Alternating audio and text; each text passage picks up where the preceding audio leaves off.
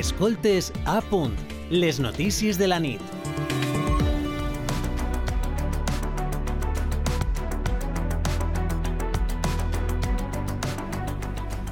Com els contàvem eh, fa uns minuts, la Comissió Europea porta quasi una dècada acusant el primer ministre hongarès, eh, Viktor Orbán, de desmantellar les institucions democràtiques, eh, prendre el control dels mitjans de comunicació i vulnerar els drets de les minories, tot i que el mandatari nega aquestes acusacions. A més, el Parlament Europeu va aprovar fa menys d'una setmana que Hongria no era un país democràtic, la primera norma per a ser membre de la Unió Europea, i proposa diverses iniciatives per a protegir la llibertat llibertat, la igualtat i l'estat de dret d'una manera més efectiva.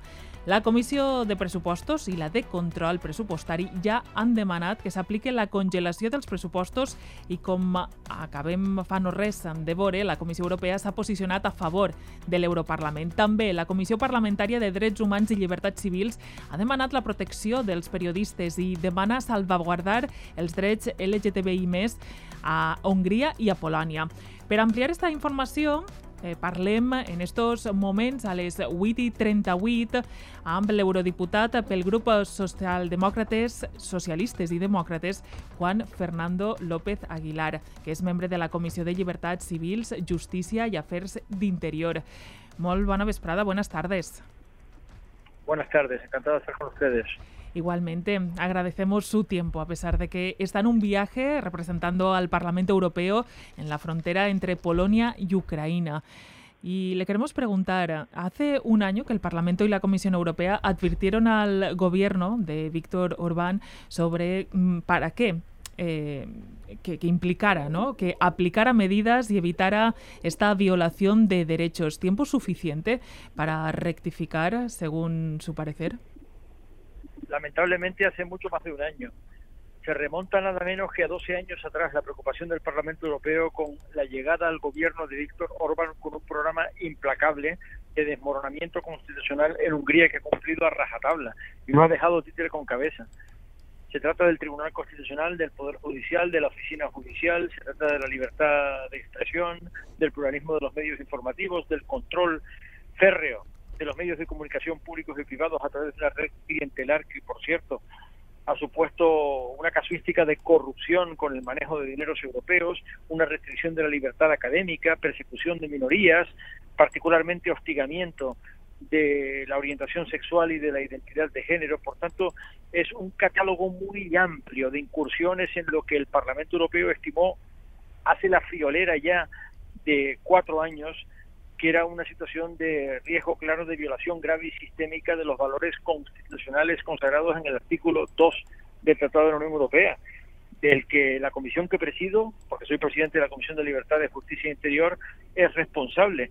Por tanto, activamos el procedimiento máximo de sanción de la Unión Europea, que es el artículo 7, y además aprobamos el reglamento de condicionalidad del Estado de Derecho que supone que no se accede a los fondos europeos ni a los presupuestos europeos a menos que se cumpla estrictamente con el derecho europeo y con las sentencias del Tribunal de Justicia. La situación es grave. Tanto es así que la Comisión ha acabado finalmente deduciendo las consecuencias y suspendiendo el acceso de Hungría a los fondos europeos en cumplimiento del reglamento de condicionalidad que ha aprobado el Parlamento Europeo.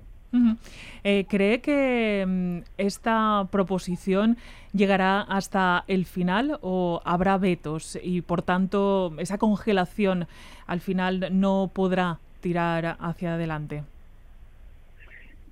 El procedimiento máximo de sanción del artículo 7 contempla la retirada de derechos de voto, tanto en el Parlamento Europeo como en el Consejo, del país manifiestamente incumplidor de sus obligaciones para con el derecho europeo. Pero sucede que para poder activarse hace falta efectivamente en su última expresión, que es la retirada de los derechos de voto, la unanimidad del Consejo, salvedad hecha naturalmente del país concernido en el examen. Cambio, el reglamento de condicionalidad del Estado de Derecho lo que requiere es una decisión de aplicación por parte de la Comisión, que finalmente lo ha hecho, y le está diciendo claramente a Hungría, como en su caso a Polonia, que tiene una casuística que no es idéntica, pero también es preocupante para el Parlamento Europeo. También hemos activado el artículo 7 en relación con Polonia, que o se cumple el derecho europeo no hay acceso a los fondos. En Hungría es particularmente grave porque además se produce la corrupción masiva en el manejo de los fondos europeos, con el enriquecimiento del entourage, del círculo de relaciones del primer ministro Víctor Orbán. Nepotismo, clientelismo y corrupción con dineros europeos. Por tanto, en el Parlamento Europeo se ha escuchado un mensaje muy rotundo. No money, no EU money for the autocrats que no haya acceso al dinero europeo para los autócratas. Y se considera, por tanto, a Víctor Orbán un autócrata que ha buscado su revalidación electoral corrigiendo el sistema electoral a su favor, aplastando los partidos de la oposición y creando, por tanto, unas condiciones muy desiguales para la competición política. Usted está en estos momentos en una misión del Parlamento Europeo en la frontera entre Polonia y Ucrania, supervisando las ayudas europeas y la situación de las personas refugiadas. Eh, ¿Nos puede contar, em, aunque sea brevemente, qué se ha encontrado allí?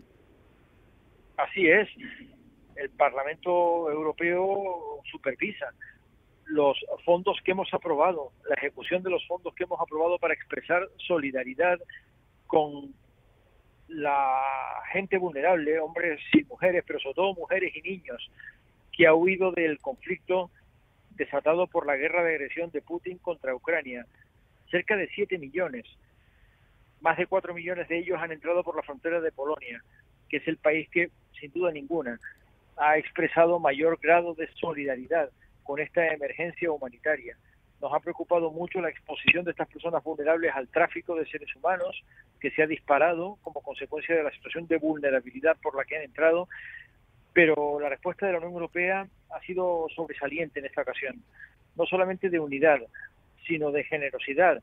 El Parlamento Europeo había urgido muchas veces que la Comisión Europea activase la llamada Directiva de Protección Temporal, que para que todo el mundo lo entienda, supone que las personas que entran por una frontera exterior huyendo de un conflicto no son técnicamente refugiados, sino que disfrutan de libre entrada sin visado, sin someterse a los procedimientos de asilo, libre circulación, libre elección de residencia, libre acceso al trabajo y a los servicios asociados pero para que Hungría, Polonia, Eslovaquia y Rumanía, que son los países directamente fronterizos, puedan atender esa respuesta humanitaria también requieren de financiación europea y es lo que estamos supervisando.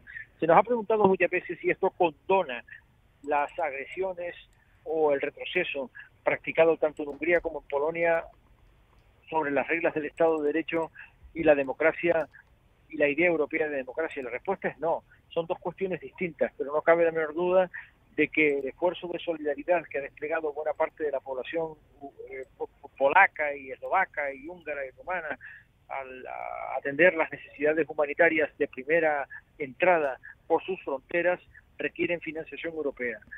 No, no se pierda de vista tampoco que estas personas no se han quedado en estos países fronterizos, han circulado por toda la Unión Europea. Muchos de ellos están en España, como en Portugal, como en Chipre, como en Estonia, como en Lituania. Están en todas las lecturas de la, de la geografía europea. Y tampoco se pierda de vista que su intención no es quedarse para siempre. De hecho, de los millones que han entrado, muchos entran y salen, entran y regresan a Ucrania. Es una situación muy fluida. Y es exactamente eso lo que hemos venido a examinar en una misión de reconocimiento de la Comisión de Libertad, de Justicia e Interior que tengo el honor de presidir y que estoy precisamente pues presidiendo también aquí en esta frontera de Polonia con Ucrania, como lo haremos pasado mañana en la frontera de Ucrania con Rumanía. Pues muchísimas gracias, Juan Fernando López Aguilar, eurodiputado del Grupo Socialistas y Demócratas y presidente de la Comisión de Libertades Civiles, Justicia y, em, em, Asuntos, de, interior. Sí, sí, Asuntos de Interior del Parlamento Europeo. Muchísimas gracias y em, por haber atendido la, la, la llamada de la radio pública ha, sido un placer y espero haber sido de alguna utilidad. Un abrazo. Un, abrazo desde este punto de frontera caliente de la Unión Europea con Ucrania. Muchas gracias. Buenas noches. Buenas noches. Escoltes a punt. Les notícies de la nit.